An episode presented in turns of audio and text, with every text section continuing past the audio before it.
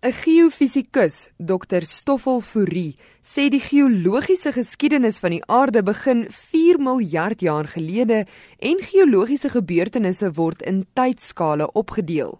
Die tydskaal word 'n era genoem. Soos byvoorbeeld die Sensoïese era wat ons nou in is.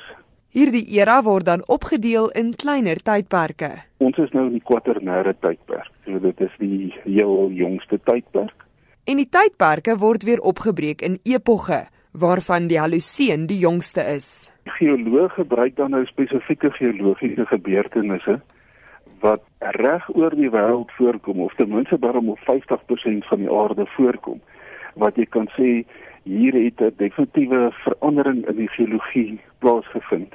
In die verlede het ons net gegaan op die geologie, maar nou soos wat die lewe ontwikkel het en plante ontwikkel het en so aan het mense dan nou sê byvoorbeeld die voorkoms van fossiele en spesifieke plantfossiele en spesifieke dinosourus in hierdie laai het dit nou gebruik om hierdie klassifikasie te maak.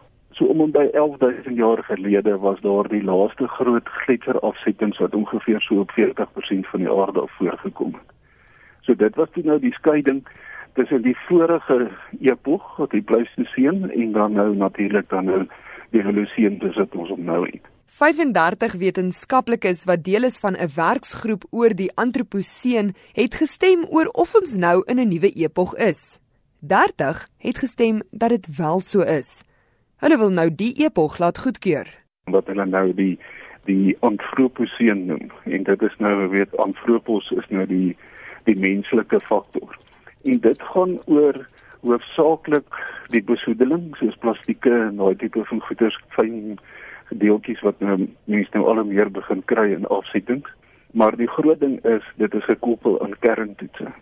Met die kernera en die ontwikkeling van kernwapens en nadat die Amerikaners en die Franse en die Russe en so aan die kerntoetse gedoen het, is daar sekere isotope wat radioaktief is wat nie natuurlik so baie voorkom in die natuur nie. Die antroposeen sal strek vanaf ongeveer 1915 af vorentoe omdat daar toe al tekens was van die gevolge van kerntoetse en besoedeling deur mense. Die wetenskaplikes wat die bevindinge gemaak het, het egter nou 'n moeilike taak om af te handel. Hulle sal reg oor die wêreld moet gaan en oral monsters neem van die geologie. Hierdie sal moet geanaliseer word en hulle sal moet spesifiek analiseer vir hierdie uh isotope om te sien dat hierdie goed werklik reg oor die aarde versprei het om dit dan 'n soort van 'n universele laag rondom die hele planeet te maak. Fourie sê die wetenskaplikes sal noukeurig te werk moet gaan om die antroposeen epog te bevestig. Om so versoek te kan rig teenoor die kommissie vir stratigrafie, die internasionale kommissie. Dit kan volgens Fourie tussen 3 en 10 jaar neem en hang af van befondsing. Fourie stem met die wetenskaplikes saam dat die aarde wel in 'n nuwe epog is. Dit is nie 'n laag wat natuurlik sou vorm nie, tensy daar nie inmenging weer uh, gewees het van mense nie.